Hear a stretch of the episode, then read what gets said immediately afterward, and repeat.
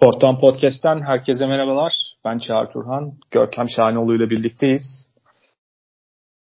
Oldukça beklediğimize değen diyeyim en azından geçen hafta bahsetmiştik. Yani bir Amerikan futbol açısından hem kolejdeki rivalry week hem de NFL maçları açısından oldukça vaatkar bir hafta sonuydu. Benim açımdan öyle de oldu diyebilirim. Yani sevdiğim pek çok maçtan özellikle uzun süredir bu kadar futbol açısından tatmin olduğumu bilmiyorum izleyici olarak.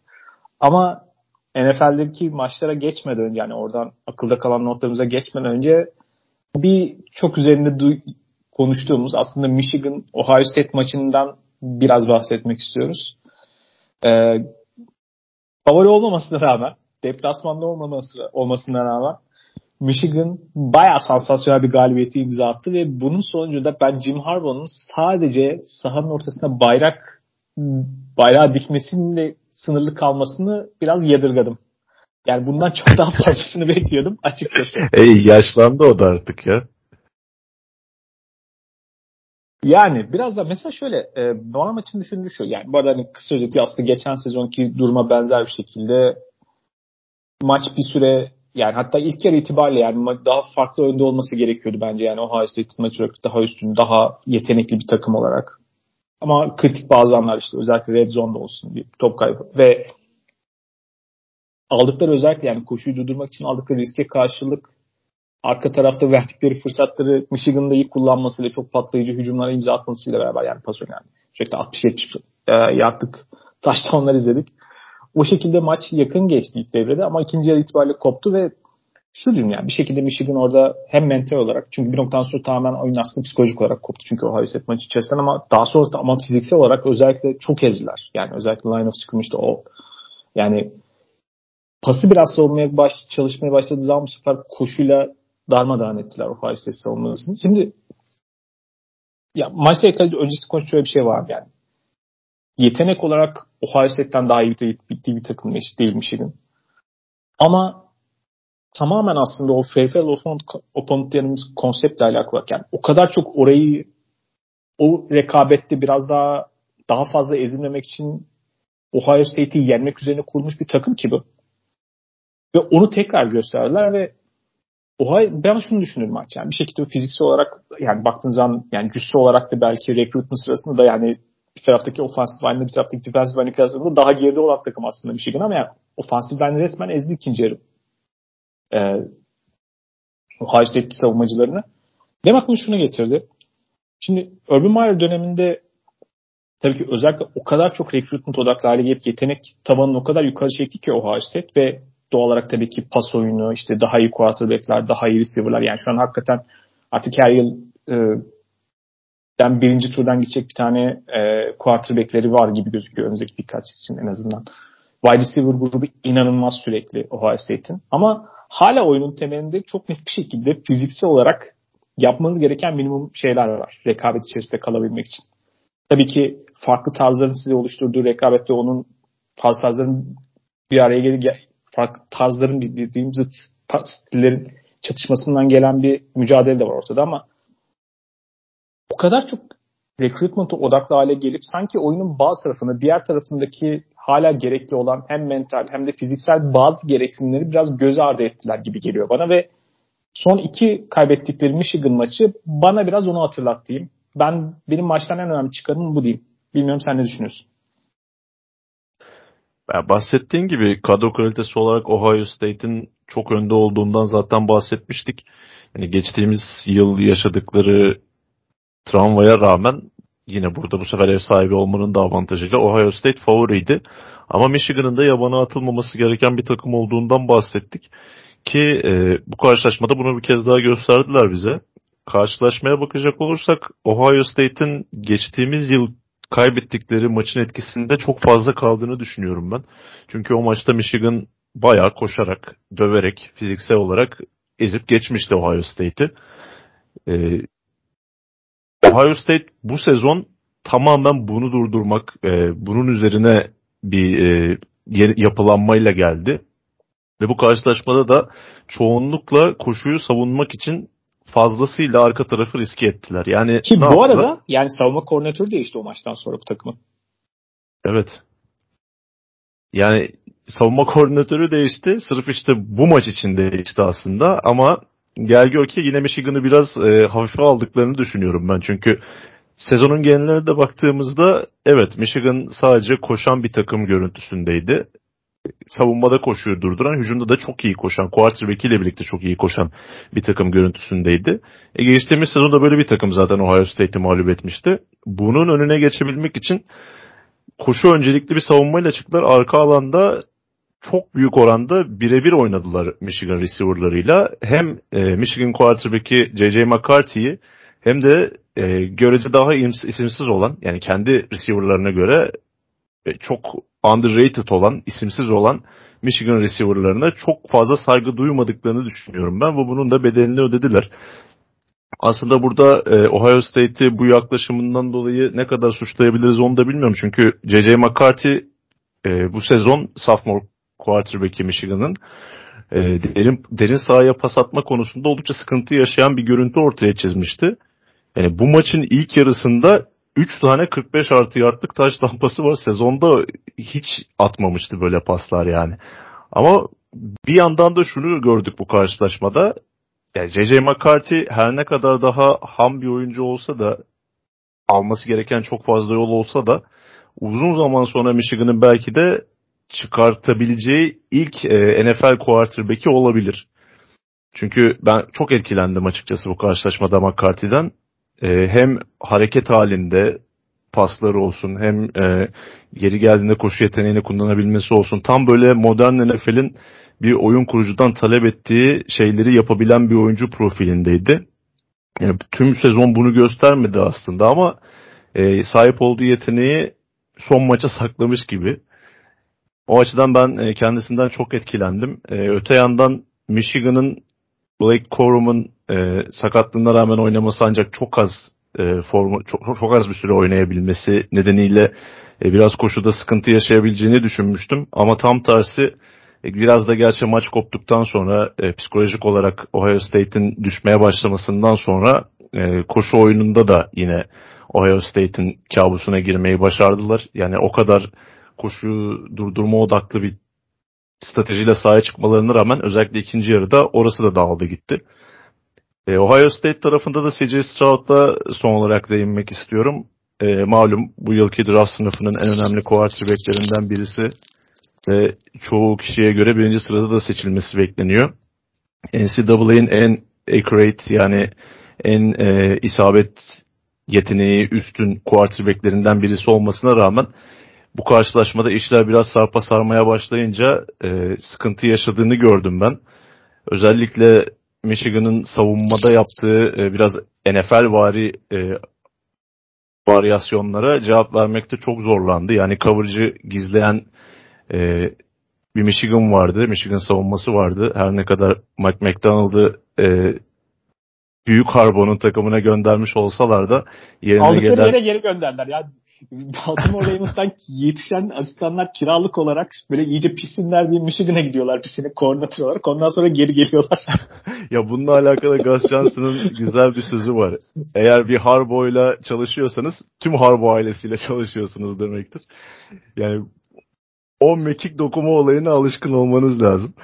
E, bu seneki savunma koordinatörü de gerçekten Michigan'ın yani ilk senesinde olmasına rağmen şu an ismini hatırlayamadım ama oldukça iyi iş çıkarttı. Zaten Mike McDonald geçtiğimiz sezon e, Vic Fangio savunma sistemini biraz kurguluyordu. Yani o one and half gap koşu savunma oyunlarını Michigan'dan da görüyorduk.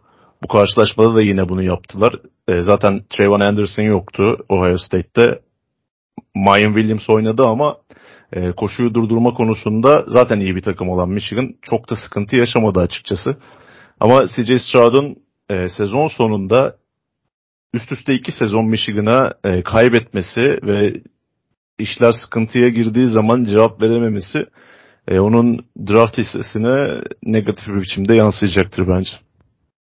Biraz klişe Ohio State quarterback'i klişelerine uygun olacak gibi geliyor. Yani draft zamanı herhalde çok konuşulacak da. Aman aman. Ama ee, mesela yani Jim Harbaugh'un Michigan'a ilk gittiği zamanlarda aklıma gelen onun görüntülerine bir biraz gerçek anlamda bayağı renkli bir kişilik diyebiliriz en kibar tabiriyle. mesela recruitment tarafında yani bir sürü işte potansiyel olarak yüksek potansiyel ülke genelindeki oyuncular işte onları bir şekilde dahil etmek için çok enteresan şeyler yaptığını işte bir oyuncunun evinde kaldığını başka böyle e, bir sürü medya işin içerisinde olduğunu falan böyle bir sürü şekilde medya görüntüyor yani böyle çılgın şeyler yapan bir koç olarak işte tutkulu bir koç olarak.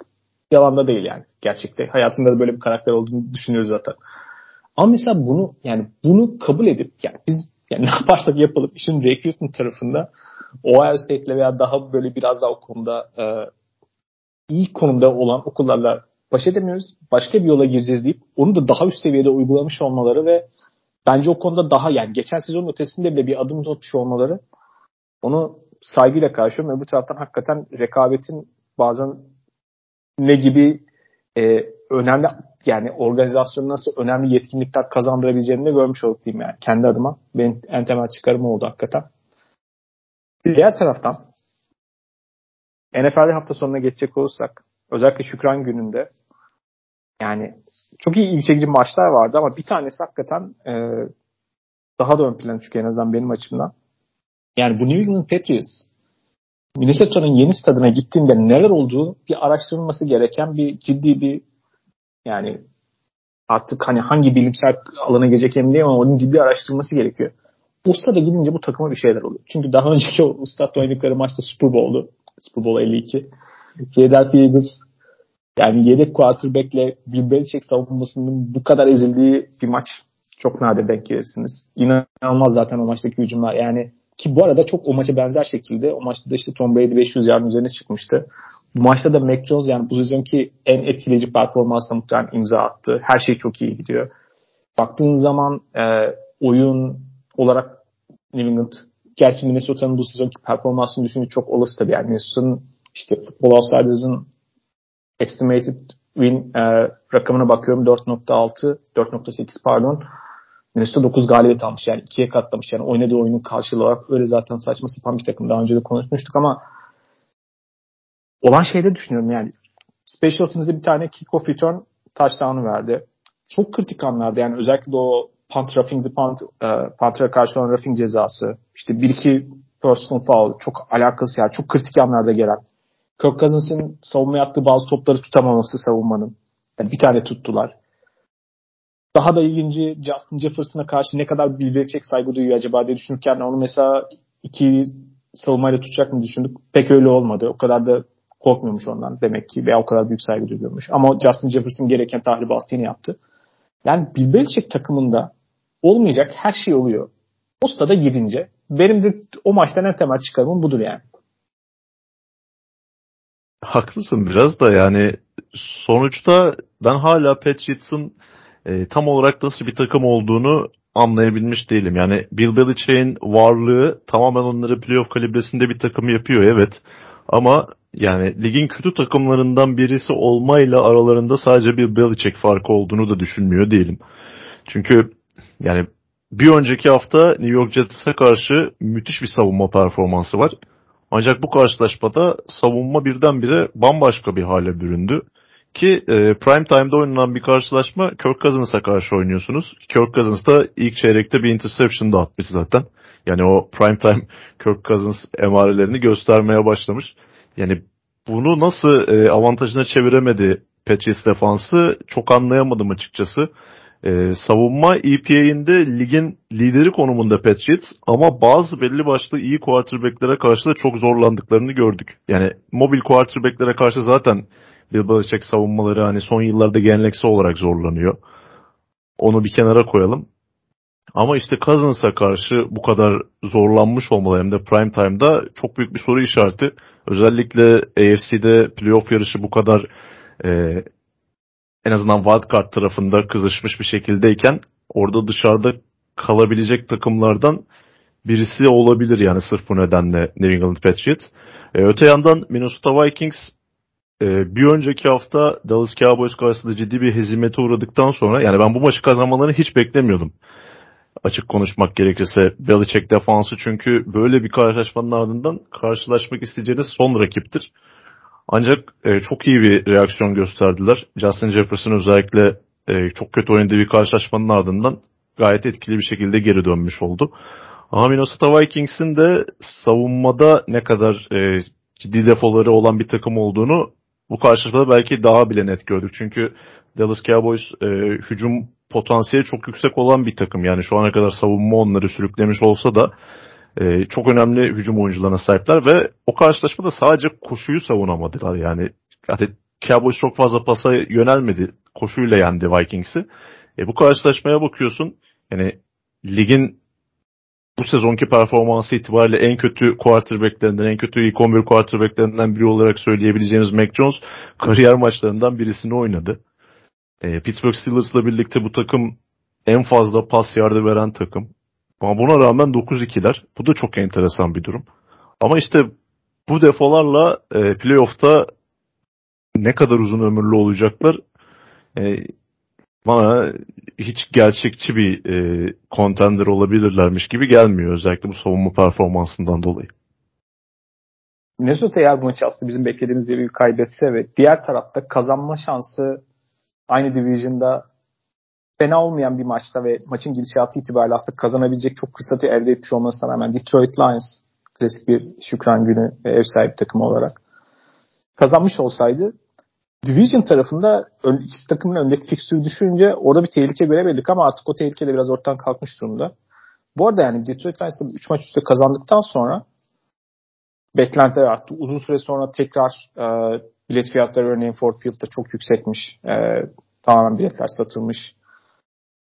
Ama gel gelelim Ford Field'da uzun süre sonra üst üste iki maç kazanan ilk takımda Buffalo Bills oldu.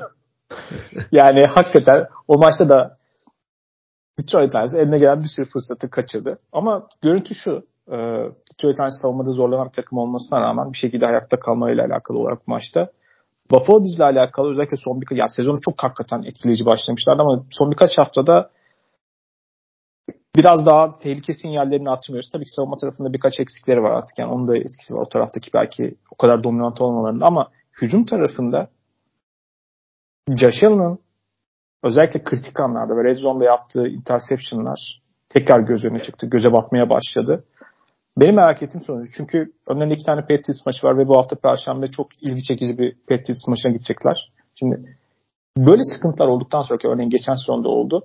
Bir şekilde alternatif çözümler üretebilen bir takım olarak tekrardan şampiyonluk potasında en önemli e, favorilerden birini tekrardan o durum perçinlemişlerdi. Ama orada tabii Brian Dable faktörü vardı. Ve Brian Dable'ın tekrardan bu seneki koçluk performansına bakarak da o konuda daha güvenli hissediyoruz. Şimdi bence orada sadece Caşar'ın üzerinde değil. Çünkü biraz geriye gidiş var Caşar'ın bu açıdan. Yani evet hala çok etkileyici pasları var maç üzerinde ama kritik anlardaki hata yaptığı oyun oranını özellikle çok azaltmıştı ama onu tekrardan böyle bir ikinci sezondaki, üçüncü sezondaki yükselişe geçmesi trendini tekrardan görüyoruz. O tabii ki endişe verici. Bence kendi Orsa üzerinde yani Josh'ın üzerinde olmakla beraber ama kendi Orsa üzerinde şu periyottan nasıl çıkacakları ciddi bir sınav olacak ve gene onların önünde çok hoş olmayan bir bir çek sınavı bekliyor. O yüzden bu haftanın ilgi çekici maçlarından bir tanesi bu olacak bence.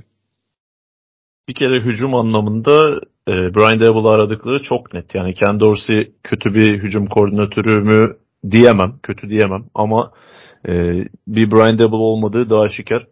Josh Allen e, Brian Dabble'sız ilk sezonunda hiçbir şey kaybetmemiş gibi başlamıştı sezonu ama e, Tony Romo'nun da karşılaşmada üstüne basarak söylediği gibi o dirsek sakatlığı çok büyük ihtimalle Josh Allen'ı etkiliyor. Çünkü ben de e, özellikle şu son bir aylık dönemde Buffalo Bills karşılaşmalarını izlerken acaba peri masalı sona mı erdi? Josh Allen e, eskiye mi dönmeye başlıyor gibi düşünmüyordum. Ama e, kötü oynadığı maçlarda bile yine e, o geçtiğimiz son iki sezondan bildiğimiz Allen performanslarını aralara sıkıştırmayı başarıyor. Yine Detroit maçında da özellikle 3. çeyrekte hiçbir şey üretemezlerken hücumda son iki hücum serisinde yine bildiğimiz Allen'a dönüp maçı kazanmayı başardılar. Yani alarm verici bir durum. Çünkü e, son dört karşılaşmanın ikisini kaybettiler. Ve diğer iki karşılaşmayı da Cleveland ve Detroit'e karşı yani görece zayıf rakiplere karşı çok zorlanarak kazandılar. Cleveland'a karşı e, kickerları Tyler Bass takımın en skoreriydi yani durmadan alan golü ata ata mağlup ettiler Cleveland'ı. Detroit'e karşı da ligin en kötü secondary'lerinden birisi diyoruz. pas savunması yerlerde olan bir takım. Josh Allen sahada, Stefan Diggs sahada, Gabriel Davis sahada, Dawson Knox sahada yani ziyafet çekmesini beklersiniz normal şartlarda bu ekibin Lions defansına karşı. Ama inanılmaz derecede zorlandılar. Yani Stefan Diggs'e e, maçın son çeyreğine kadar neredeyse top gitmedi. Isaiah McKenzie takımın en fazla pas alan oyuncusuydu.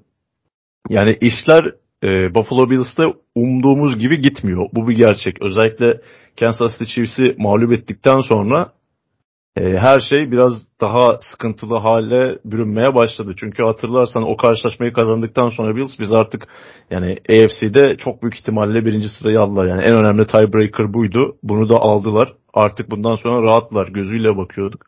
Ama işler hiç umdukları gibi yani bu şekilde gelişmedi. Bu Thanos'un mimine benziyor yani neyi, neye bedeldi bu? Her şeye bedeldi. Yani bir çiftsi yendiler Tabi bununla çok alakalı olmayabilir de denk geliş açısından enteresan oldu. Ee, bahsettiğin gibi çok ciddi sakatlık problemi yaşıyorlar yani. E, bu sezon anlamında özellikle çok şanssız bir sakatlık e, durumuna sahipler. Bu karşılaşmada da Von Miller'la Dion Dawkins sakatlandı. Ön alanda zaten özellikle offensive line'da sıkıntı yaşayabilen, sıkıntı yaşama potansiyeli yüksek olan bir takım Bills. Burada da en önemli oyuncularından birisi sakatlandı. Ne kadar sağdan uzak kalacağı henüz belli değil. Savunmada e, çok derin bir edge rusher ve özellikle defensive line rotasyonu olduğundan bahsediyorduk. Gregor Russo ile AJ Epinesa bu karşılaşmada zaten sakatlıkları nedeniyle oynamadı. Von Miller da sakatlandı üstüne. E, orada da derinliğe rağmen sıkıntı yaşamaları mümkün. E, zaten Tremon Edmonds da bir süredir forma giyemiyor. Tüm bunlara rağmen savunmanın performansı yine çok düşmedi. Ama hücum e, alarm veriyor açıkçası. AFC'lik playoff yarışı inanılmaz bir nokta. Yani AFC East'teki takımlardan bir tanesinin dışarıda kalma olasılığı yüksek görünüyor ve şu an yani bu tuhaf şekilde Patriots'ın aslında kazanmayı bence hak ettiği ve kazanmaya yakın olduğu bir maçı bir şekilde kaybetmesi onların durumu da kötü geldi. Şu an yani playoff'ta ilk 7 sırası dışındalar ve orada kimsenin fikstürü çok kolay değil çoğu takımın. O yüzden ne olacağını merakla bekliyorum. Mesela Cincinnati için bence çok sıkıntılı olabilecek bir durum var da onların fiksürünü düşünce. Çünkü diğer tarafta Baltimore'un fiksürü oldukça rahat sayılır. Onlara kıyasla daha iyi görünmeyen bir takım olmasına ama Cincinnati'nin örneğin sezon başındaki durumuna kıyasla sezon başında çektiği sıkıntılara karşı bir çözüm getirip tekrardan daha da belki geçen sezon üzerinde bir takım haline gelmesi var. Belki onu daha sonrasında daha ilerideki bölümlerde tekrardan konuşuruz. O da ilgi çekici bir nokta ama haftanın en büyük olayı, aksiyonu Tabii ki son birkaç haftadır olduğu gibi gene New York Jets. Aksiyonlar bitmiyor orada ve sonuçta Chicago Bears oynuyorsunuz. Yedek quarterback oynuyorsunuz ama Chicago Bears zaten yani bariz tanking yapan bir takım neredeyse. E, savunmadan pek çok oyuncusu oynamadı. Maç içerisinde sakatlandı. O yüzden hani çok da abartacak bir taraf yok. Ama hikayesi şu. Tabii Mike White'ın Mike White görevini yaptı. Oldukça etkili istatistikleri var. Ama asıl konu sanırım maçtan sonra pek çok kişinin yani takımdaki hem oyuncuların hem de Robert Sala'nın Mike White ile ilgili söyledikleri ve buradaki söyledikleri çünkü sonuçta özellikle de belki oyuncularda biraz daha farklı ama özellikle koçlar onların söylediklerinden böyle birkaç seviye altından gerçekten ne söylemek istediklerini anlamaya çalışırsınız. Bazen ona dair ipuçları verirler. Yani orada da basit olanı basit gösterdi şeklinde bir söylem vardı ama tabii diğer taraftan bütün oyuncuların tek bir şekilde sanki Mike White'a onun kurtarıcısı muamelesi yapıyor olmaları ee, sanırım orada Wilson'la alakalı düşündüğümüzden hani daha da kötüsü var mı diye geçen haftanın bir ötesinde daha da ciddi bir sıkıntı olduğunu hissettiren bir durum var gibi. Benim aklımda en çok o kaldı oradan. Geçen hafta biz podcast'ı kaydederken zaten Zach Wilson'ın kadro dışı kaldığı yani yedeğe çekildiği haberi gelmişti. Ee, o zaman ben çok emindim kendimden yani Zach Wilson'ın e, artık Jets'teki ilk 11 quarterback günleri hatta Jets'teki kariyer günlerinin sayılı olduğu konusunda. Ancak birkaç gün sonra hem DJ Reed'in hem de CJ Mosley'nin böyle biraz ortamı yumuşatır derecedeki açıklamaları işte e, yüreğindeki her şeyi bize döktü, işte anlattı, biz de dinledik.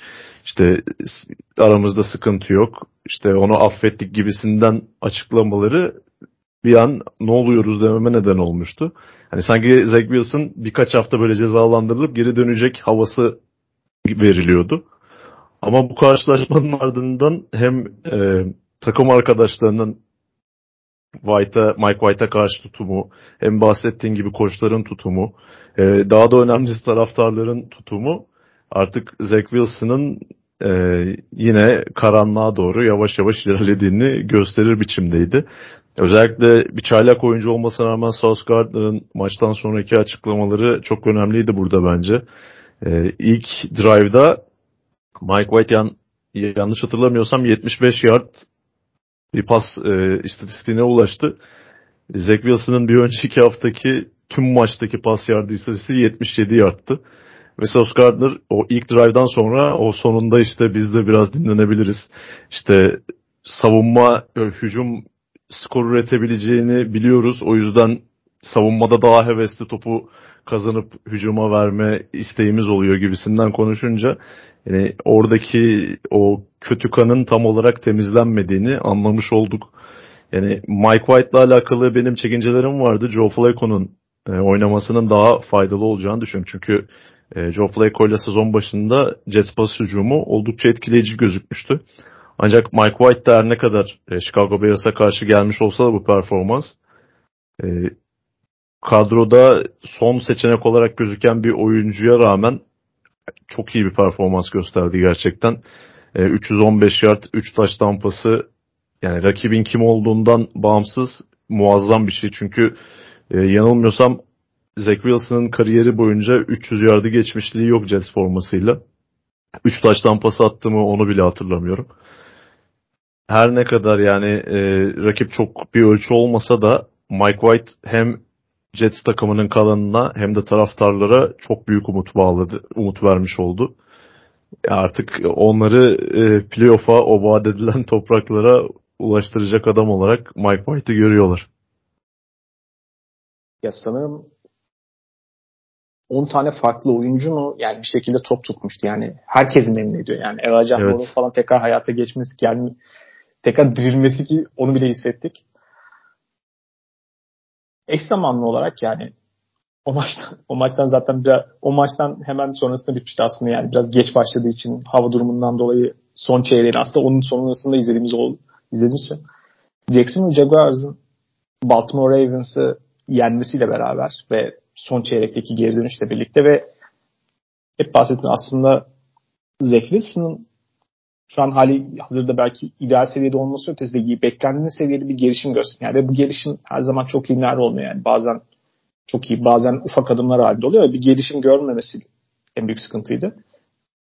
Buna karşın draftta onun öncesinde giden hatta bazı kişilerin draftta prospekt olarak onun bile Jeff Wilson'ı daha önde gördüğü ama yani son yıllardaki belki en önemli prospekt olarak geçen quarterback tarafındaki Trevor Lawrence'ın eğer gerçekten bu beklentilere kıyasla gerçekten yani ligin en önemli quarterbacklerinden biri olacaksa yıllarca onun yani kariyerindeki imza maçlarından bir tanesi olacak sanırım Baltimore Ravens maçı. Herhalde o da önemli bir andı bu haftadan. Kariyerini tanımlayacak karşılaşmalardan birisi oldu kesinlikle. E, geçtiğimiz haftalarda yine Jaguars'tan bahsederken zaten maçları kapatma noktasında daha doğrusu geçen haftaki podcast'te e, iki yıllık yapılanma raporunu raporuna bakarken takımların Jacksonville Jaguars'ın ne kadar genç bir takım olduğu ve maçları kapatma konusunda ne kadar sıkıntı yaşadığından bahsetmiştik. Ee, yani bu sezon bu şekilde oynadıkları 6 tane karşılaşmayı tek skorla kaybettiler ve maçı kazanma noktasında şans da gelmişti onlara. Ama Trevor Lawrence bir türlü e, o aşamayı kaydedemedi. O engeli aşamamıştı. Hatta bunlardan birisi e, Londra'daki Denver Broncos maçıydı. Yani bu karşılaşmada özellikle son bölümünde kusursuza yakın oynadı Trevor Lawrence ve tam olarak yani onun e, draft edildiği zaman nasıl bir oyuncu olacağına yakın bir profil çizdi. Yani istatistiklerine baktığımız zaman şu son 3 e, hücum serisindeki istatistiklerini söylemek istiyorum sana. 19'da 15 isabet 173 yard, 2 taş tampası ve bir tane maçın sonundaki 2 sayılık oyun. Yani bu normal şartlarda bir sezondur yani bir buçuk sezondur izlediğimiz Trevor Lawrence bunları bunları yaptı desek çok da inanamayacağımız bir tablo ama bu yeteneği olduğunu her zaman söylüyorduk zaten Lawrence'ın. Bir de bu karşılaşmadan sonra Jacksonville Jaguars'ın safety'si Andrew Wingard'ın bir e, röportajı vardı basın mensuplarıyla. Onu da e, dinleyenlerin kesin izlemesini e, tavsiye ediyorum. Urban Meyer'ın ne kadar büyük bir e, zarar bıraktığı bu takımın üzerinde net bir şekilde ortaya çıkıyor. Yani Trevor Lawrence'a çok üzüldüğünü söylüyor orada. Çünkü herhangi bir çaylak sezonu yaşayamadı. Şimdi Doug Peterson için takım e, ona çok bağlı. Onun için her şeyi yapar ve aynı zamanda Lawrence için de bu büyük bir şans. Bunu da haftalar ilerledikçe görmeye başladık zaten. Bu arada maçın sonunda yani e, iki sayılık oyun oynayarak bir şekilde o riski alan kişinin Doug Peterson olması çok şaşırtıcı değil. O riskleri alan daha doğrusu şöyle de özelliğim e, daha çok NFL'deki veri analitiğiyle alakalı olarak olan bazı başlayan trendler ve inisiyatifler konusunda liderlik eden koçlardan biri. Tabii ki bu konudaki önde gelen organizasyonlardan biri olan Philadelphia Eagles'ta yıllarını geçirmesiyle de alakalı bu konu. Ki oradan head coach olması da çok önemli zaten faktör. Benzeri bir şekilde Brandon Staley gene son pozisyonda iki sayılık oyun oynayarak kazandı. O, o zaten hani şimdi veri tarafını kullanması konusunda zaten çok popüler bir karakterdir. Biraz tribüne de oynar diyeyim. O yüzden o açıdan da ilgi çekici bir noktaydı. Ama örneğin bahsettiğim şey var yani Trevor Lawrence'ın bir şekilde takımın geri kalan taraftan kadar sevdiğini görüyoruz. Mike White'ın o etkisini gördük. Yani bir şekilde bu oyuncular özellikle quarterback tarafının yani pozisyonun şöyle bir tabii ağırlığı var. Biraz kazandığınız zaman çok fazla kredi sahipsiniz. Kaybettiğiniz zaman bütün her şey size bağlanıyor. Ama Mike White üzerinde görme hani bir şekilde bu oyuncular için kazanabilmek ve kazanma şansı fırsatı yaratan bir quarterback o kadar önemli ki takımın geri kalan savunmasını çok etkiliyor. Ve bir sonraki hafta geçeceğimiz bizim bu haftaki ana gündemimiz olan Washington tarafında da yani Carson Wentz çıktı. Yerine Taylor Heineke girdi. Taylor Heineke çok anlamlı bir quarterback kesinlikle değil. Yani sahada baktığın zaman yani tüm maçları yönettiği zaman yani ortalamasına geldiği zaman gayet vasat altı bir quarterback'ten bahsediyoruz. Ama kritik anlarda bazen çok işte kritik oyunlarda başarılı olması, bir şekilde maçın içinde kalması, daha karakterli görünmesiyle beraber ve takım içerisindeki bir şekilde diğer oyuncularla ilişkisinin etkisiyle görünen şu ki Washington savunmasını da bir seviye yukarı çıkardı. Evet Washington savunması zaten özellikle o öndeki dörtlüden bahsedeceğiz zaten daha detaylı olarak. Hani özel bir grup ama yani istatistiklere baktığımızda son birkaç hafta içerisinde çok yukarı çıktı ve son 7 haftada e, yani EP açısından 3. sırada olan takım. Zaten ilk onda olan takımlardan bir tanesi EPA'de ve DVOA'de de toplamda 11. sırada yani savunma açısından iyi bir takım. Ama bir seviye daha yukarı çıktığını görüyoruz ve son 7 maçın 6'sını kazandılar. Çok etkileyici maçlar mı? Philadelphia galibiyet dışında değil. Ama hepsi hemen hemen neredeyse son topta yakın kazanılan maçlar. Kaybettikleri Minnesota maçında kazanmaya çok yakınlardı ama Minnesota maçları yakın geçen maçları biliyorsun. Minnesota bir şekilde kazanıyor bu sezon. Almanlar şey gibi oldu onlar muhabbeti. O inanılmaz bir sezon oluyor yani onlar açısından. Ve sanırım o etkiyi görebiliyorsun yani. Taylor Nicker'in bir şekilde bu etkisi var. Quarterback'in yani ne olursa olsun bu oyun yani bu kadar evet, profesyonel ve milyonlarca dolar kazan pek çok oyuncu var bu, bu oyun içerisinde ama ya kazanabilme ihtimalini gördüğü zaman bir şekilde hani performanssız bir adım öteye götüren şey o yani. Evet profesyonellik olarak yapmamız gereken bir yerler ama daha fazlasını gerektiren duygusal ve mental bir eşik var ve bazen bizi kazanabilme ihtimali de bu oyunculara bunu sağlıyor. Washington'da da bu oldu açıkçası.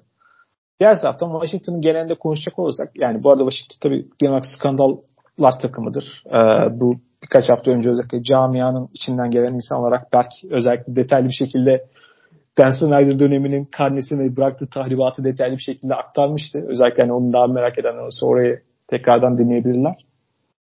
Ama bu Washington takımına gelirsek her şeyin merkezinde olan ve bu takım bir şekilde rekabetçi kılan yapı olarak e, sanırım bir defensive line'dan başlamamız lazım. Bu defensive line neden bu kadar özel bir defensive line? Ya neden bu kadar özel bir defensive line? Yapılan yatırımın karşılığını verdiği için. Çünkü e, son böyle 4-5 sezondur Washington Commanders'ın yaptığı draftlara bakacak olursanız bu defensive line'ı tamamen birinci tur draft oyuncularıyla kurduklarını göreceksiniz. Tabi biraz orada e, şansları da yardım etti. Özellikle Montez Sweat'in 2019'da ilk turun o kadar sonlarına düşmüş olması bir şanstı onlar adına. Onu iyi kullandılar.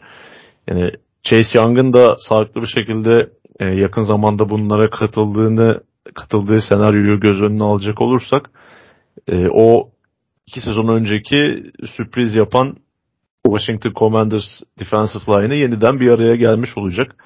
Montez Sweat, Darren Payne, Jonathan Allen ve Chase Young bunların dördü de birinci turdan seçilen oyuncular ve önemli e, kolej takımlarında kolej kariyerlerini geçirerek NFL'e büyük potansiyellerle gelen oyunculardı. Özellikle Darren Payne bu sezon muazzam bir oyun oynuyor. Gerçekten kariyer sezonunu geçiriyor desek yeri.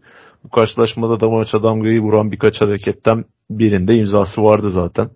O son e, interception olan topta topu çelen oyuncuydu. Onun dışında yine yaptığı sekler var. E, rakip quarterback'lere baskı getirerek o cebidar ettiği pozisyonlar var. Tam olarak e, yapılan draft yatırımının karşılığını almak şu an e, Washington Commanders defensive line'ının tanımı olarak duruyor. Yani ilk turdan seçtiğiniz oyuncuda e, 12'den vurmuyorsunuz tabii ki ama burada biraz tabii draft şansının da yanlarında olduğunu söylemek gerekiyor.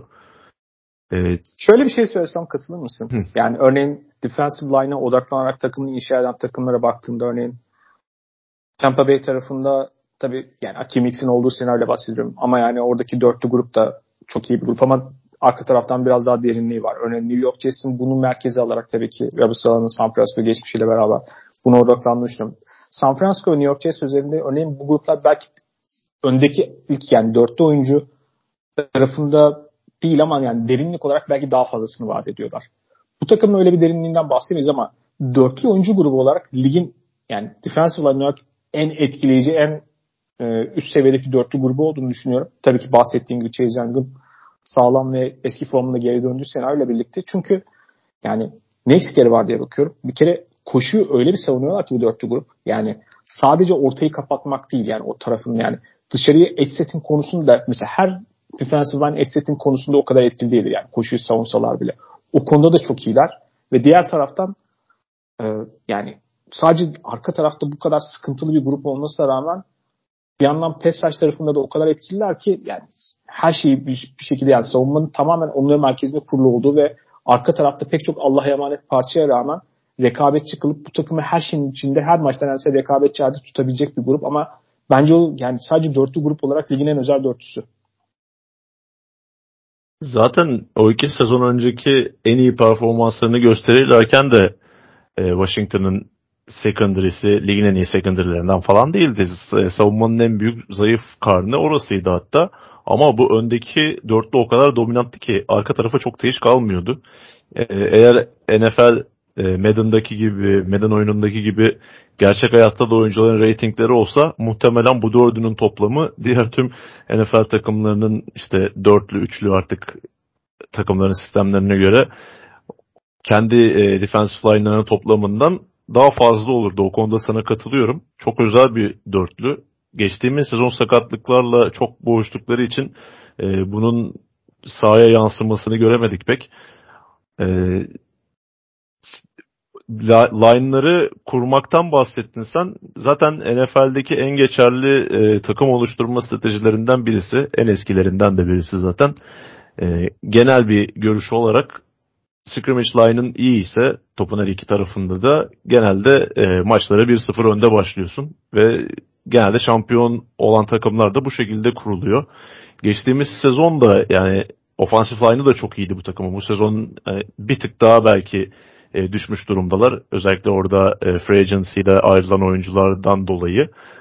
Ama e, hem offensive line hem defensive line performansı olarak geçtiğimiz sezon da iyiydi bu takım. Sadece quarterback konusunda sıkıntı yaşıyorlardı. Bu sezon aslında e, her ne kadar biraz hayal görerek bu hamleyi yapmış olsalar da Carson Wentz'i takıma getirdiklerinde umdukları tablo belki de buydu. Ama Carson Wentz yerine Tyler Heineke ile bunu sağlamış oldular. Sen daha az çok bahsettin. Yani Heineke'nin baktığımız zaman bu son 7 maçtaki 6 galibiyetlik e, seride ne kadar bir payı var. Açıkçası yani ben o açıdan düşünmemiştim ama senin söylediğin çok mantıklı geldi. Yani mental takımı mental olarak yukarı çekme açısından ciddi bir payı olabilir. Ama diğer yandan sahaya yansıyan e, tarafına baktığımızda işin Tyler Heineke hala çok vasat bir quarterback. Hatta vasat altı. E, EPA, CPOA kompozit e, değerlerine göre 27. sırada yer alıyor ligde. tam aksine bu e, 7 maçlık süreçte Washington Commanders savunması e, ligin en iyi 5 savunmasından birisiydi bu 7 maçlık süreçte. Onun biraz e, etkisiyle maçları kazanmaya başladılar. Tabii e, çok zorlu karşılaşmalar oynamamalarının da bunda ciddi bir payı oldu ama bu sayede özgüvenlerini de biraz kazanmış oldular. Özellikle savunmanın secondary tarafında performansın son haftalarda biraz daha yükseldiğini görüyoruz. E, şimdi playoff yolunda ciddi bir adım atmış oldular ve önlerinde iki tane üst üste New York Giants karşılaşması olacak. Bir bu hafta sonra bir de bay haftasının ardından. Giants'ın da düşüşte olduğunu düşünürsek o maçlardan birini belki ikisini de kazanarak kapağı playoff'a atabilir Washington Commanders. Bu iki maç kesinlikle onların playoff'la alakalı durmuyoruz. Bir de yani NFC East orada şu an bu sezon her takım iyi olduğu için sezon öncesi beklentileri kıyasla o yüzden oradaki rekabet aynı AFC'de AFC East'te bir takım muhtemelen dışarıda kalacak gibi burada da görüntü o. Çünkü Seattle tabii ki biraz gözden düştüğü için son iki hafta belki kazanabileceği maçları kaybettiği için Seattle oradan biraz geri düştü. Aslında Washington için fırsatları artıyor ama New York Giants maçları muhtemelen kazanıp kazanmaması onlar için çok asıl belirleyici olacak olan kısım. Ben bu takımla alakalı beklem şu. Yani iki sezon önce işte bir takım malum işte ismini değiştirme kararı aldı. Zaten Dan Snyder'la alakalı çok toksik, toksik bir durum var. Yani her PR için sıkıştıklarında bir şekilde efsaneleri Taylor'la alakalı bir aktivite yapıyorlar. Bu hafta da saçma sapan onunla alakalı bir anı taşlar. Yani anıt demeye. Yani inanılmazdı ya. Tellerden, gerçekten... tellerden bir manken yapmışlar. Yani insan utanır onu açarken. Yani bunların Sean Taylor'ın işte daha önceki e, anmasında da onun adını verdikleri bir tane işte stada gider ya orada bir tane sokak vardı. Sokakta ailesi portatif tuvaletlerin önünde poz vermişti yani. O yüzden öyle fantastik şeylere imza edebilen inanılmaz bir franchise o rezillikte.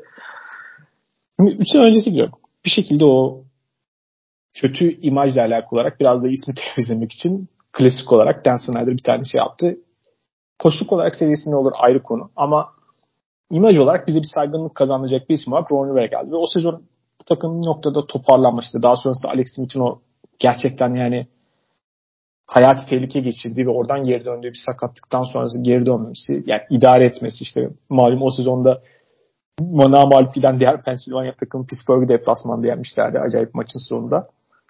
Ve playoff oynamışlar. Ve playoff'ta da bu sezonki yani son birkaç haftakinde çok benzer bir şekilde aslında Tampa Bay ile en yakın maçı oynayan takımlardan bir tanesi. Yani bir şekilde o maçı zaman zaman kazandıracaklarını hisseden rekabetçi seviyede kalmışlardı o maçta da. O sezon sonrasında şöyle bakıyor. Yani bakıyorum takımına evet offensive line iyi, defensive line çok iyi. Secondary'de eğer bazı eklemeler yapabiliriz. Çünkü wide receiver grubuna bakıyorum. Yani ondan beri sürekli aslında iyi eklemeler yapıyorlar ve o zamanki wide receiver grubu da fena değildi ki. Özellikle Terry McLaurin yani bu takımın liderlerinden bir tanesi ve bu ligin bence en underrated receiver'larından bir tanesi. Çok etkileyici bir oyuncu. Şimdi bu grubu düşünüyorum. Tek eksikleri neredeyse diyebileceğin aslında tabii ki diğer parça arada eklemeler yapılması gerekecek ama yani bir quarterback ve quarterback için acele bir hamle yapmayıp beklediler. Çok iyi bir geçiş senaryosu olarak Ryan Fitzpatrick'le anlaştılar. Ve geçen sezonda aslında playoff potasında olabilir. Tabii geçen sene de Dallas Cowboys'un tabii çok ciddi bir sıçrama yapmasında buna etkisi var bu durumda ama beklediler yani acele etmediler. Aslında Dan Snyder döneminde yapmadıkları bir şey yaptılar. Daha sakin ve sabırlı bir şekilde beklediler ve biraz daha doğru adım bekleyen. Belki sonraki sezon seçim yani fırsat gerisi ona göre ayarlayalım, bekleyelim diye. Şimdi bence bu takımın önünde çok iyi bir fırsat vardı. Ama bu sezon Carson Wentz'i getirerek bir şekilde onu harcadılar. Çünkü bazen o kadar özel bir defensive line bulması çok kolay değil. Yani hakikaten tam ilk turdan sürekli almakla olmuyor yani. Biraz da işin şans tarafı da var. Yani oyuncuların hepsi de ilk turda ilk beşten seçilmiş değiller. Yani bir arada en azından bu kadar etkileyici olmayabiliyorlar. Ben açıkçası 3 sezon süren çünkü yani NFL'de bir takımın gerçek anlamda şampiyonluk için pencerelerinin öyle çok da uzun olmadığını düşünürsek 3. sezon sonuna geldi o grup diyeyim. Yani şu anda ne var dersin herhalde? Daha sonrası için sürdürmesi çok kolay bir grup değil. Çünkü bu seçtikleri özellikle defans gibi bazı oyuncular kontrat seneleri de geliyor artık. Yani o yüzden bu seviyede sürdürmesi çok kolay bir grup değil. Bazı oyuncular belki yaşlanacak, seviyesi düşecek. Şimdi bence biraz orada fırsat kaçtı. Çünkü o kadar özel bir defensive line. Yani en azından son sezonun bu takımla alakalı bir nokta eklemeniz gereken bir şey varsa da o. Ama diğer taraftan evet yani sürekli bir şekilde o defensive line öyle bir takım ki öyle bir grup ki yani her maçın içerisinde tutuyor ve bu iki Giants maçının nasıl olacağını çok merak ediyorum. Ben biraz coaching tarafından gol yiyerek açıkçası bir tanesini kaybedip dışarıda kalmaları çok olası geliyor bana ama ne olacağını ben de merak ediyorum noktada. Coaching tarafına baktığımız zaman yani Ron Rivera benim sevdiğim bir koç. Ama e, ne kadar taktiksel ve teknik anlamda takıma yardımcı olabilir o konuda e, benim de bazı şüphelerim var. Ama genel itibariyle çok tecrübeli bir koç kadrosuna sahipler. Yani Ron Rivera, hücum koordinatörü Scott Turner, savunma koordinatörü Jack Del. Yani belki de o e, division içerisinde en fazla tecrübeye sahip e, ana koç pozisyonlarındaki takım Washington Commanders olabilir. E, bu playoff yarışında bu tecrübe de belki etki edebilir. O farklı bir nokta gibi geldi bana. E, diğer taraftan quarterback konusunda e, şu noktada sana katılmıyorum. Yani Washington camiasının, franchise'ının ne kadar sıkıntılı bir e, yer olduğundan sürekli bahsediyoruz zaten. E, dolayısıyla buraya dışarıdan bir quarterback getirme şansınız e, diğer takımlara göre biraz daha az oluyor. Mesela önceki sezon Matthew Stafford'ı e, takıma katmak isteyen takımların başında geliyordu Washington. Ama yani çok kolay değildi tabii Stafford'ı ikna etmek veya bu sezonki e, takasa çıkan ya da e, free agent olan quarterbacklerden herhangi biri için. Yani oraya ancak böyle işte Carson Wentz gibi gözden düşmüş kariyerini yeniden e, canlandırmak isteyebilecek oyuncuları getirme şansınız oluyor. Öte yandan her ne kadar kötü sezonlar geçirmiş olsalar da e, hiçbir zaman draftın üst sırasından seçebilecek kadar da kötü bir sezon geçirmediler. Yanılmıyorsam e, 7 galibiyet almışlardı geçen sezon. Yani orada bir e, iyi bir genç quarterback draft etme şansları da olmadı. Hani belki bu sezon önceki sezon pardon Justin Fields'ı alabilirlerdi. Ama almadılar, beklediler. O nedenle e, quarterback pozisyonunda biraz elleri kısıtlıydı.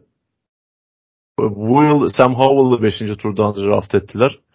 E, normal şartlarda bu sınıfın önde gelen yani ilk turdan seçilmesi beklenen quarterbacklerinden birisiydi.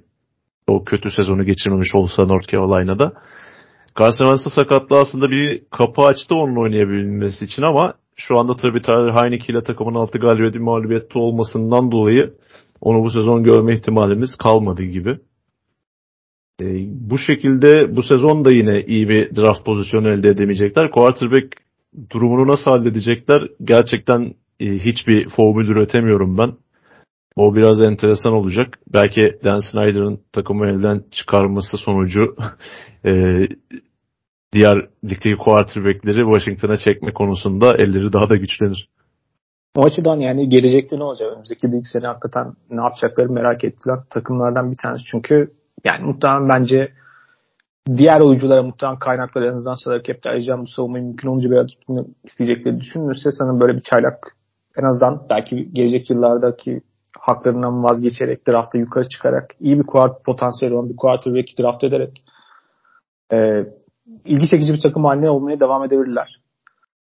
O yüzden bahsettik bu haftanın ilgi çekici maçlarına geçecek olursak şimdi yani e, Patriots Bills maçının ne kadar ilgi çekici olduğuna bahsettik. Zaten perşembe maçı diğer taraftan Giants Commanders'tan bahsettik. Playoff yolunda oldukça merak ettiğim bir ikili maç oynayacaklar. İki tane yani bir tane değil iki tane arka arkaya oynayacak en azından Washington bay haftası arasında.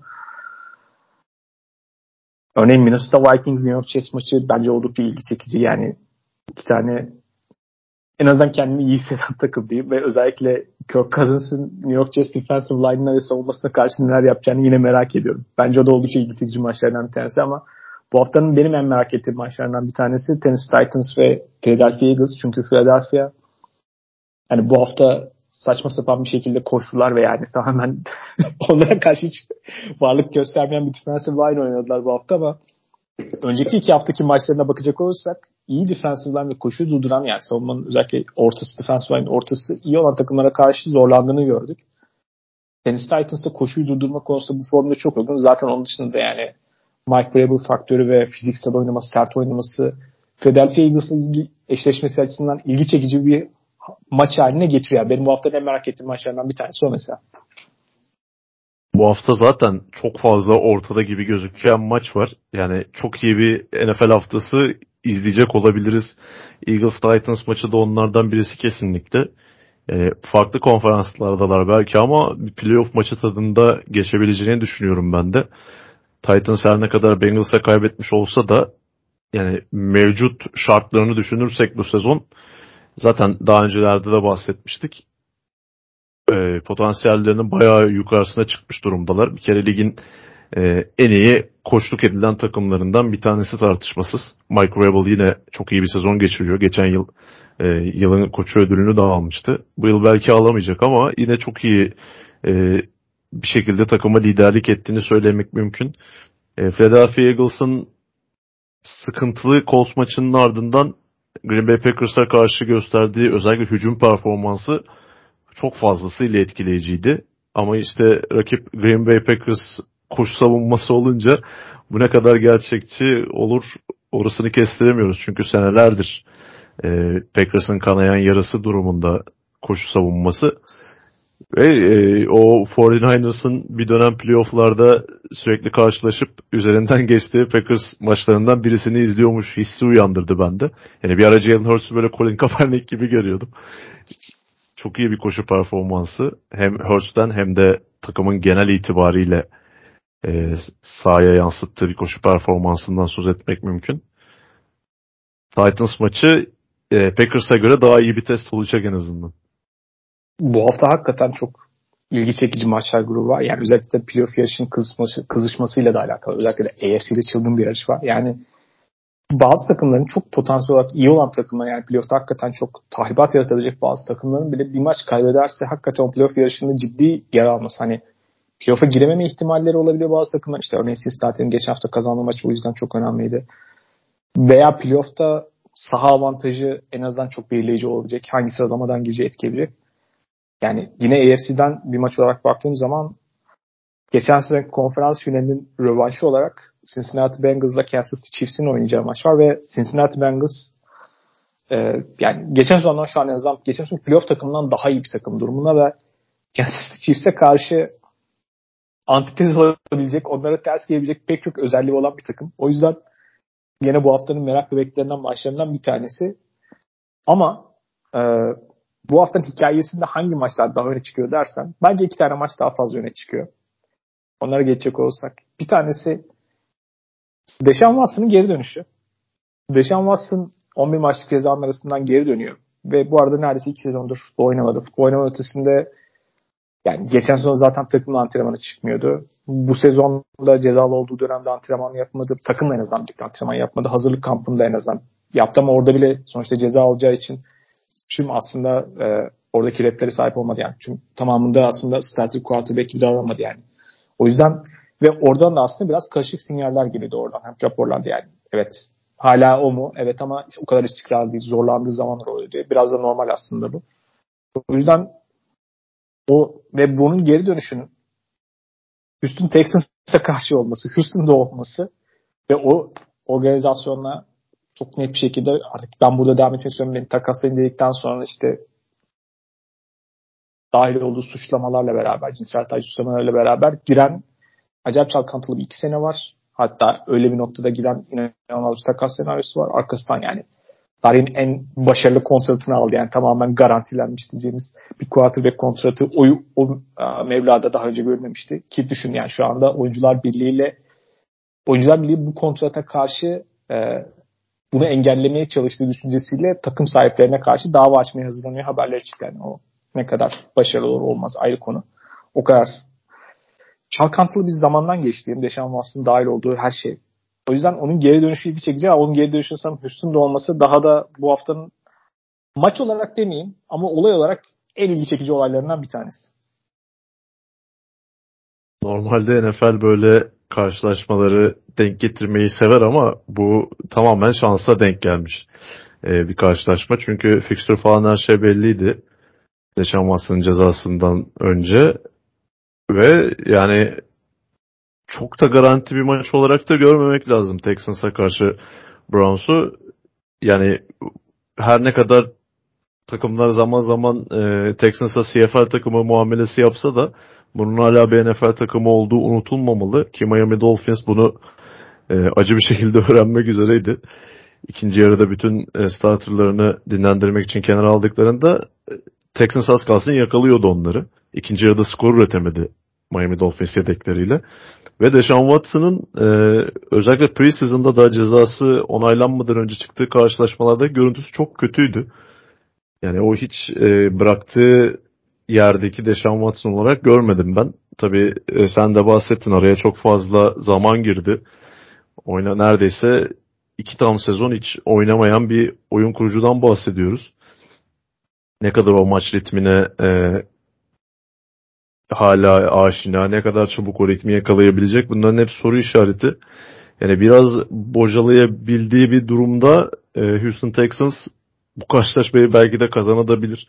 Çünkü farklı bir motivasyonla da oynayacak. Her ne kadar o takımdaki oyuncuların e, belki Watson'da çok alıp veremeyeceği bir şey olmasa da sonuçta e, tüm bu iki yıllık süreç bu takımın atmosferinin etrafındaydı ve kuşkusuz e, takım yani özellikle koçlar işte takım yönetimi Watson'a karşı bu ilk karşılaşmayı kazanmak isteyeceklerdir. Farklı bir motivasyon görebiliriz orada. E, tabii Browns'ta e, Jacoby Brissett hiç de fena bir oyun oynamazken birden 7'ye düşecek olması kötü bir durum olacak onun adına. Geçtiğimiz hafta Tampa Bay Buccaneers'ı sürpriz bir şekilde mağlup ettiler. Savunmada herkesin çok rahat e, üzerine gidip sayı ürettiği bir takımdı Browns. Tüm o yeteneğe rağmen. Hatta bu anlamda coaching açısından çok fazla eleştiriliyor. Tampa Bay hücumu bir önceki hafta toparlanma sinyalleri vermiş olsa da aslında çok da toparlanmadıklarını bu Browns defansına karşı yine neredeyse hiçbir şey üretmediklerinden anlamış olduk. Ee, yani haftanın... pas savunması gene bir nebze ama yani koşu savunması yani bu kadar rezalet olması e, akıl almaz geliyor bana bu takım. Yani bu konuda en azından savunma anlamında bu kadar yatırım yapmış olan bir, bir grup olarak yani ya. onu akıllandırmak çok zor ve şöyle söyleyeyim yani hücum tarafına baktığınız zaman DVOA ile bu takım dördüncü yani tamam evet koşu, koşu hücum biraz daha merkezinde tabii ki Nick Chubb'la beraber çok etkileyici bir ofansif line'ları var ve hücum tarafında aslında yeterince üretiyorlar. Şu an hani 5 kaybediyorlar ama 5 kaybediyorlar mı yanlış hatırlamıyorsam 4 mü? Ama yani herhalde bir sezon başındaki bir 4 haftada kaybettikleri 3 tane inanılmaz maç var. İşte New York Jets maçı, Chargers maçı, Falcons maçı. Bunların hepsi kazanabilecekleri çok yakın maçlarda kaybettiler. Ve aslında Browns'ın sezon başında olduğu senaryo tabii Deşan Watson'a ne kadar ceza geleceğiyle de alakalı. Jacob Brissett'in hani iyi seviyede bir yedek quarterback ve iyi bir geçiş quarterback senaryosu olduğunu düşünürsek takım idare etsin en azından %50 bandında kalırsak sezonun işte ikinci yarısında Deşan Watson'ın devreye girmesiyle beraber bir şekilde playoff'a kapağı atır senaryosu. Çünkü kadronun geri kalanı şampiyonu iddiasında olması gereken bir kadro. Savunma ne kadar o performansı göstermese de ama hem AFC'deki seviyenin çok yukarı çıkması hem de o yakın kaybettikleri maçlar dolayısıyla yani o potadan uzaklaştılar. Washington Commanders defensive line için söylediğimizin aynısını aslında Cleveland Browns defansının tamamı için söyleyebiliriz. Yani bireysel anlamda o kadar fazla iyi oyuncuya sahipler ki bunlardan ortaya bir e, takım çıkaramamış olmaları yani bu kadar malzemeyle iyi bir yemek yapamamış olmaları tamamen koçlara yazan bir durum. Yani savunma koordinatörüyle bu sezon sonrasında yola devam etmelerini çok da e, mümkün görmüyorum ben. Miles Garrett'lardan, Jadavion Clowney'den işte Owusu Karama, John Johnson, Denzel Ward, işte şu an sakat belki ama Greg Newsom, işte Grant Delpit, Greedy Williams, Dion Jones her taraftan yetenek fışkırıyor savunmada. Ama sahadaki performans hiç karşılamıyor gerçekten bu yeteneği. Yani çok farklı konumda olabilirdi Cleveland Browns. Ve hali hazırda geldiği sezon yani durum itibariyle bence bundan sonrasında Deşan Watson'ı gelecek sezona hazırlamanın ötesinde bir şey vaat etmiyorlar. Ee, yani en azından birkaç öyle. maç onun nerede olduğunu görelim ve gelecek sezona karşı biraz daha en azından elimizde ne olduğunu bilelim ve o da biraz daha ısınmış olsun şekilde. Çünkü aslında biraz boşa harcanmış bir sezon durumunda. Bütün rağmen bence haftanın en ilgi çekici maçı San Francisco ile Miami arasında. Onun sebebi şu. Evet yani Kyle ve Mike McDaniel bir araya gelecek ve Kyle yanından çıkan evet ve daha doğrusu Shanahan McVay düzeninden çıkan insanlara baktığımız zaman daha da tepede aslında Mike Shanahan'e gidiyoruz. Oradan çıkan koçlara baktığımız zaman pek çok kişinin hani Kyle Shanahan'ı ayrı tutarak oradaki aslında en potansiyelli olarak etkileyici koç potansiyeli yani oyunun azından teknik taktik tarafında olarak bahsettiği ama biraz belki diğerleri kadar presentable ve geleneksel tanımlara, normlara uymayan bir profil olduğu için biraz daha geride kalan ve aslında belki en son oradan head coach'la uzanan kişi olarak Mike McDaniel var. Mike McDaniel yılın koçu adaylarından bir tanesi. Hali hazırda Miami Dolphins'in performansıyla birlikte. Ee, ve Mike McDaniel özellikle koşu hücumu tarafında biraz daha ünü olan en azından bahsedilen şey olmasına rağmen bu takıma geldiğinde itibaren bu takımın arasında yeteneğinin daha fazla pas tarafında olması ve tabii ki Tyreek takası da bunun önemli faktörü. Takımın oyunu yapan inanılmaz patlayıcı şu an bir hücumu olan ve Tua'nın yani ya bu oyuncu bas derken şu an MVP adaylarından bir tanesinden bahsediyoruz. O hale getiren bir koçtan bahsediyoruz. 49ers'ın sezonun son birkaç haftasındaki çıkışıyla beraber yani NFC'deki şu an en tehlikeli ve en iyi takım olup olmadığı tartış, tartışacağımız seviyede şu anda 49ers'ta.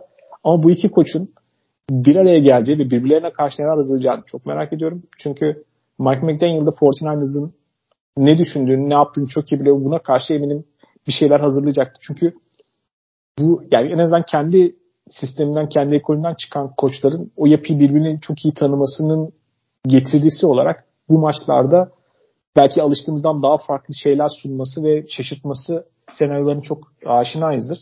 O yüzden hem iki tane iddialı takımın olması hem de özellikle de yani Kayseri döneminin en merak edilen, ilgi çekici, potansiyel olan çünkü diğerlerini bırakıp bir şekilde diğerlerine daha fırsat geldikken en azından head coach fırsatının olmasına örneğin onların mümkün olunca başka nerede elde tutmak en çok istediği koçu Mark McDaniel'dı. Yani sürekli e, diğerlerini belki örneğin koordinatör olarak gitmesine bazı koçların izin verirken örneğin Mike LaFleur gibi ama bir şekilde onu tutmak için onun sürekli işte görev tanımını yukarı çeken title'lar vermek gibi şeyler olsun. Sürekli onun için özel çaba gösterdi.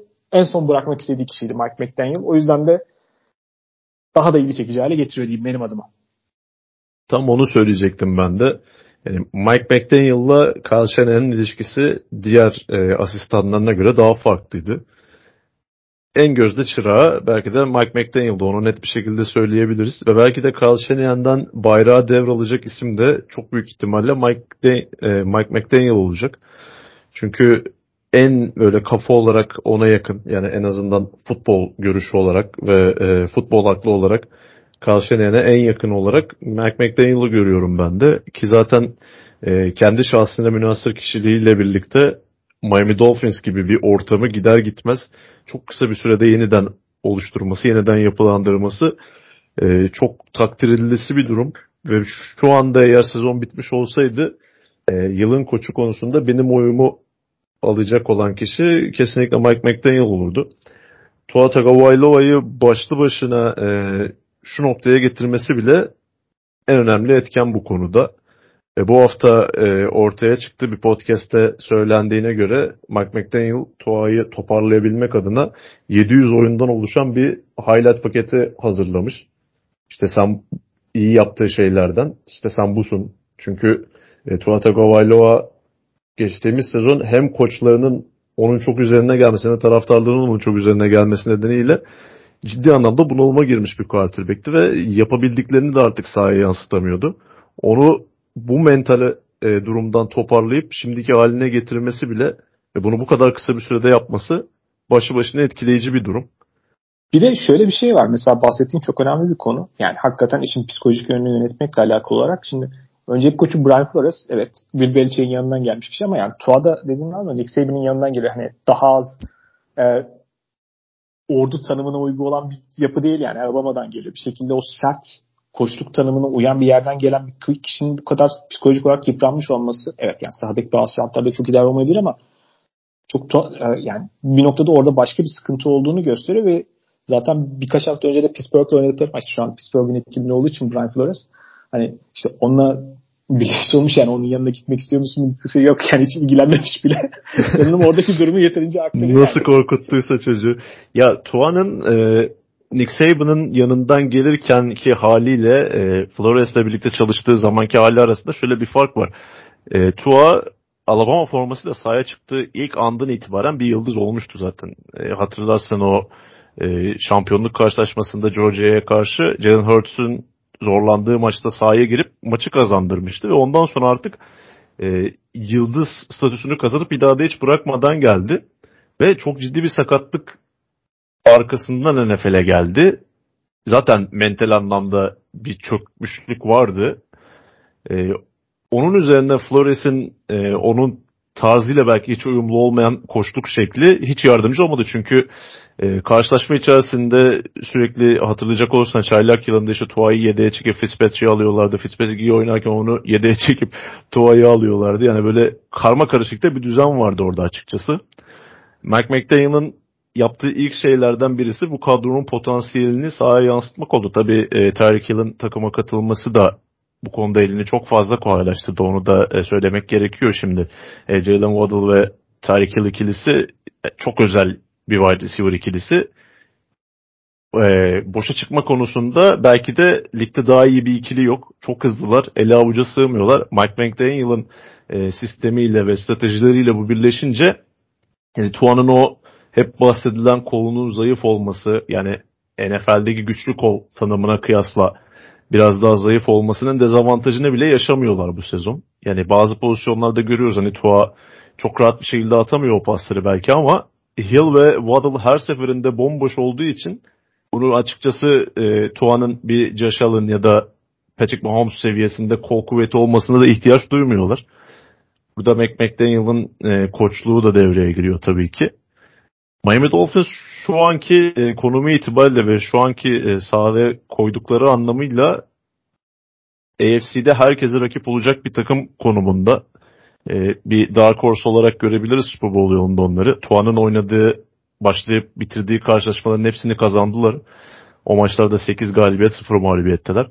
Bu açıdan e, Kyle Shanahan ve 49ers takımı çok ciddi bir sınav olacak onlar adına. Özellikle iyi bir evi savunmaya karşı oynayacaklar. E, Miami'nin savunma performansı biraz e, sıkıntılı bu sezon. Brian Flores zamanı daha iyi bir savunma performansından söz etmek mümkündü. Bu sezon 24 sayı civarı e, maç başına skora izin veriyorlar. Bu bir playoff takımında görmek isteyeceğiniz bir durum değil. Ama öyle bir hücum gücüne sahipler ki herkes de kafa kafaya oynayabilirler. Bu hafta hakikaten inanılmaz bir çok iyi fikstür var diyeyim yani Şükran Günü sonrası özellikle bu haftalarda playoff yarışının kızışmasıyla beraber. Ama yani düşün o maçların ötesinde bile böyle ilgimizi çeken daha da hikayesi olan da bir sürü maç var diyeyim. Merakla bekliyorum bu haftadan özellikle. Görkem ağzına sağlık yine. Teşekkürler senin de. Bize vakit ayırdığınız için teşekkür ederiz. Görüşmek üzere. Hoşçakalın. Hoşçakalın.